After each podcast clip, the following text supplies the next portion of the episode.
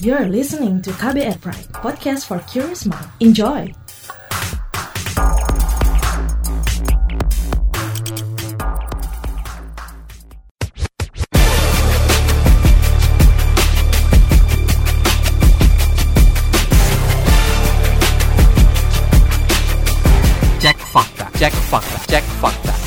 Benarkah Erick Thohir nyamar jadi tukang bakso saat bongkar skandal Direktur Utama Garuda? Dan seperti apa penelusuran beberapa foto yang diklaim sebagai perlakuan kejam pemerintah Cina di kamp konsentrasi Muslim Ugyur? Kita akan kupas dalam cek fakta episode kali ini kembali bersama Ketua Komite Pemeriksa Fakta Masyarakat Anti Fitnah Indonesia Mafindo, Adi Bowo Sasmito, saya Don Brady, menghadirkan topik teratas periksa fakta Mafindo periode 14 sampai 20 Desember 2019. Hasil periksa fakta dengan tingkat engagement paling tinggi dalam forum anti fitnah hasut dan hoax atau FAFHH serta Instagram dan podcast ini bisa Anda simak di kbrprime.id setiap Senin dan di aplikasi podcast lainnya.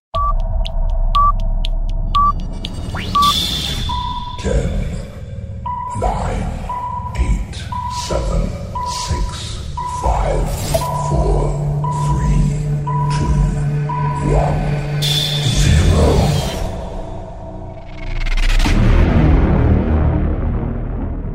Ari, Ya, assalamualaikum. Apa kabar pendengar? Apa kabar Mas Don? flu nih Mas. ya, flu akhir tahun Mas. flu akhir tahun ya. ah mengganggu liburan akhir tahun nih kayaknya. Ya kalau liburan, orang-orang kayak kita kan nggak ada libur Mas. Nggak ada kerja terus nih Mas. Kerja terus. Number 5. Oke, kita masuk ke posisi kelima. Erick Thohir menyamar jadi tukang bakso saat bongkar skandal Direktur Utama Garuda. Foto Menteri BUMN Erick Thohir diunggah dengan dibubuhi narasi. Erick Thohir nyamar jadi tukang bakso waktu bongkar skandal Ari Garuda.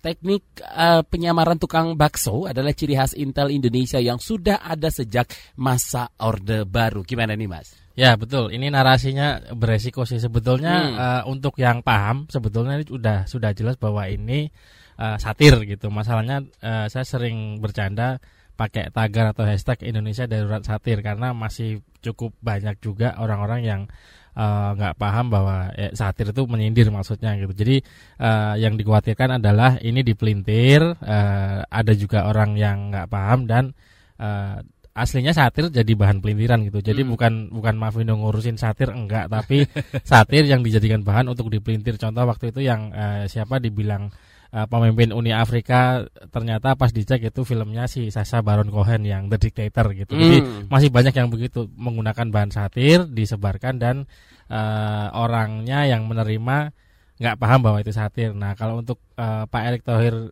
jadi tukang bakso sih sebetulnya cukup banyak beredar di media itu ada acaranya tersendiri gitu. yang menteri-menteri jadi Menteri-menteri, acting itu kan iya. di foto eh, Iya. foto ya foto ya Di ada foto ada video dan Ah. itu kan memang eh, sebetulnya sudah cukup banyak beredar di media juga bahwa ya itu memang ada acaranya tapi ya eh, itu eh, kalau ngomongin eh, tentang Intel nyamar jadi tukang bakso sih sebetulnya sebelumnya juga pernah kejadian eh, itu bercanda eh, tapi dibilang eh, dikira beneran gitu. Hmm, tapi ini apa namanya dikatakan modelnya itu seperti sudah ada sejak masa Orde Baru, benar ya? Iya betul karena memang kalau dulu Densus 88 pun kan pernah menggerebek teroris nyamar jadi eh, apa eh, tukang nasi goreng. Ah, makanya sering beredar di masyarakat bahwa eh, ya kalau tukang bakso, tukang nasi goreng itu sebetulnya intel yang memang bercandaan itu ada. Ah, iya. gitu. Ada juga bercandaan kemarin, eh gara-gara nyamar jadi tukang bakso, baksonya enak sekarang jadi milik Iya yang itu mas. Iya, intel kebablasan. Intel kebablasan. jadi buka cabang di mana-mana. Iya, jadi pas apa? Pas pensiun jadi tukang bakso beneran. Number 4. Posisi keempat, kerupuk dan crispy crackers mudah terbakar. Jadi ini ada dua video diunggah di Facebook dengan narasi sebagai berikut. Hati-hati dengan cemilan kita sehari-hari. Bapak-bapak ini sudah membuktikannya. Jadi eh, video pertama menampilkan seorang pria dengan seragam Polri membakar kerupuk berwarna putih dan video kedua menampilkan seorang pria dengan baju kaos loreng membakar produk crispy crackers. Apa ini yang dibakar, Mas?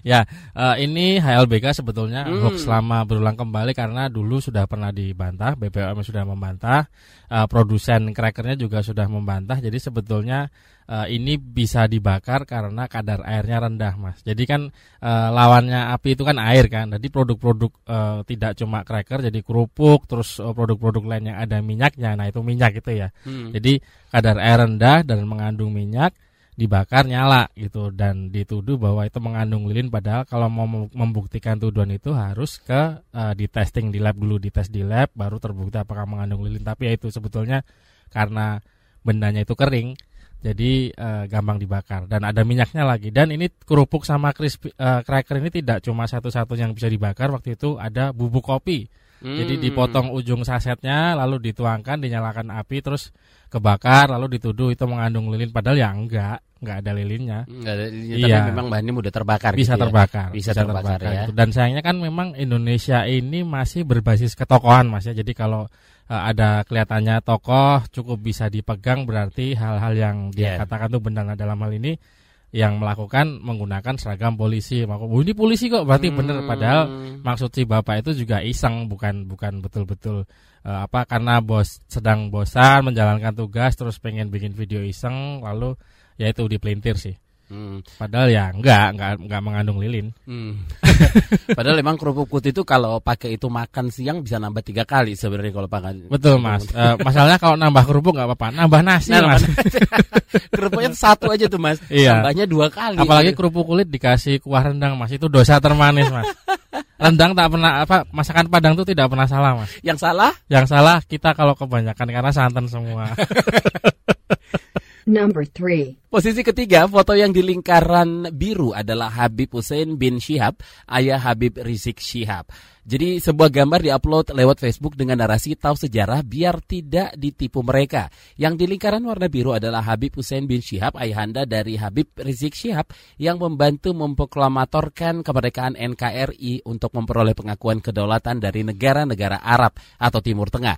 Jadi di foto yang diunggah tampak beberapa pria yang salah satunya adalah Presiden Indonesia pertama Insinyur Soekarno. Pria yang ditulis di lingkaran biru adalah pria yang berdiri di sebelah kanan Bung Karno. Foto apa ini, Mas? Jadi sebetulnya yang di lingkaran itu namanya Asad Syahab eh, penting juga itu Mhm. pen- salah satu pendiri dari eh, APB atau Arabian Press Board gitu. Jadi Eh, sama-sama penting tapi perannya lain gitu. Jadi eh, ayahanda dari Habib Rizik Syihab atau sering disingkat HRS itu sebetulnya Habib Hussein bin Muhammad Syihab gitu. Jadi beda orang sih. beda orang Beda ya? orang. Sama-sama penting eh, tapi perannya berbeda, bukan eh, proklamasi gitu. Hmm, bukan proklamator ya. Bukan proklamator salah satu Hmm. dari proklamator ya. Berarti udah dipastikan bukan dari ayah HRS ya? Bukan, bukan. Bukan. Oke. Number 2. Di posisi kedua, Mesut Ozil sindir Indonesia dan wapresnya perihal Uyghur. Beredar postingan yang menyebutkan Mesut Ozil, pesepak bola asal Jerman, telah menyindir Indonesia dan Wakil Presiden Ma'ruf Amin perihal kasus Uyghur. Ini menyindir disentil seperti ini gimana Ya. nih Mas penelusurannya? Jadi sebetulnya memang benar Mesut Ozil itu menyindir eh, negara negara-negara Muslim secara umum, tapi Hmm. tidak secara spesifik Indonesia karena eh, sebetulnya Uighur ini kan dilema mas, karena sebetulnya ini kan masalah domestiknya Tiongkok gitu ya. Ya. Itu hal yang sulit kalau ngomongin masalah domestik itu kita sendiri kan juga tidak suka kalau eh, hal-hal yang berhubungan dengan Papua diutak-atik dari luar gitu ya. Jadi yang betul-betul paham tentang eh, Uighur itu ya eh, yang negara yang sedang mengalami gitu. Ya. Nah, Mhm. Masalahnya adalah uh, uh, Uighur itu jadi perhatian dunia, termasuk banyak pelintiran sekarang beredar dan susahnya adalah uh, internetnya di Tiongkok itu kan tertutup. Jadi Betul. kami kadang suka uh, bukan suka sih, masih cukup kesulitan menghadapi kalau semingguan dua mingguan ini cukup banjir sih.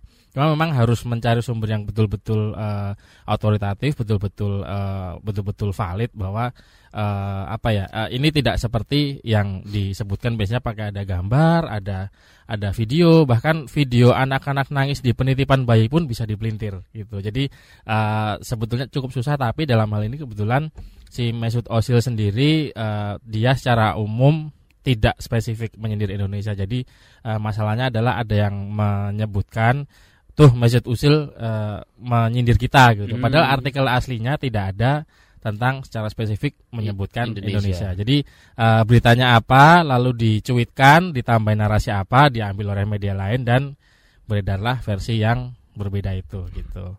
Number 1. Di posisi pertama, foto-foto yang diklaim sebagai perlakuan kejam pemerintah China di kamp konsentrasi Muslim Uyghur.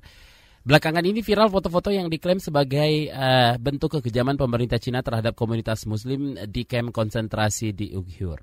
Oke, ini masih berkaitan Ya. nih, Mas. Mm-mm. Gimana nih? Jadi yang sering salah pengertian adalah kalau nggak cuma di Indonesia sih, eh, Hmm. warganet atau netizen, netizen itu sering menganggap kalau periksa faktanya menguntungkan si A, berarti pemeriksa fakta ini ngebelain si A. Pro ke sana. Nah, gitu yang ya. si Z juga gitu. Oh, kamu ngebelain si si A nih. Nah, kalau ngomongin periksa, hasil periksa faktanya menguntungkan si Z, berarti pemeriksa fakta ini ngebelain si Z dan akhirnya si A dan Z ribut dan internet rame dan alhamdulillah rame karena kalau sepi ributnya di mana lagi gitu Mas ya. Hmm. Yang punya medsos bingung, medsosnya tutup, kita bingung mau ribut di Iya. mana gitu ya.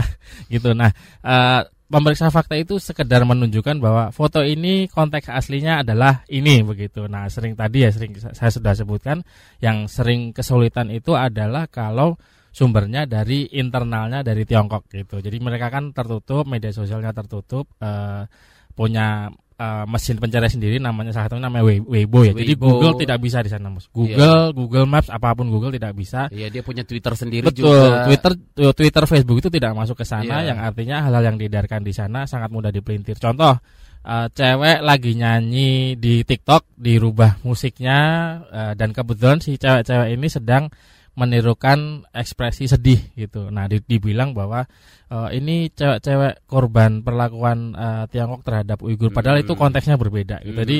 Eh, beberapa memang sudah eh, ter- terbukti dan kami bikin hasil periksa faktanya. Jadi aslinya A dibi- dibilang Z, eh, aslinya itu pencari suaka dari eh, Iran tahun tahun beberapa tahun lalu 2017 kalau nggak salah, Iya. yang menjahit mata dan mulut dan telinganya dibilang hal yang lain. Nah kebetulan si punya si si pencari suaka ini ditayangkan oleh sumber yang cukup eh, kredibel dari eh, dari foto-foto kredibel sumbernya gitu. Nah, makanya kami bisa bikin hasil periksa fakta tapi tetap masih ada juga beberapa yang eh, kami belum nemu sumber periksa fakta eh, bantahan yang resminya. Jadi eh, mau tidak mau ya eh, ditahan dulu sampai nanti kita dapat eh, konteks yang sebetulnya gitu. Jadi Hmm. memang yang dimuat sekarang ini banyak foto-foto yang sebetulnya contoh salah satu yang lukisan perempuan yang digantungi eh, batu bata itu lukisan gitu. Sebetulnya di Australia dan dibilang bahwa ini eh, disiksa oleh eh, pemerintah Tiongkok. Padahal eh, konteksnya beda sih. Jadi ini belum eh, apa namanya? sebagian sudah ter, Sebagian sudah sudah kami periksa terverifikasi. Sebagian masih cukup banyak juga yang eh, kami belum berhasil nemu sumber sumber resminya sih. Sumber apa bantahan yang bisa dipegang gitu. Berarti kalau mau memeriksa ini harus ke Cina dulu dong, Mas.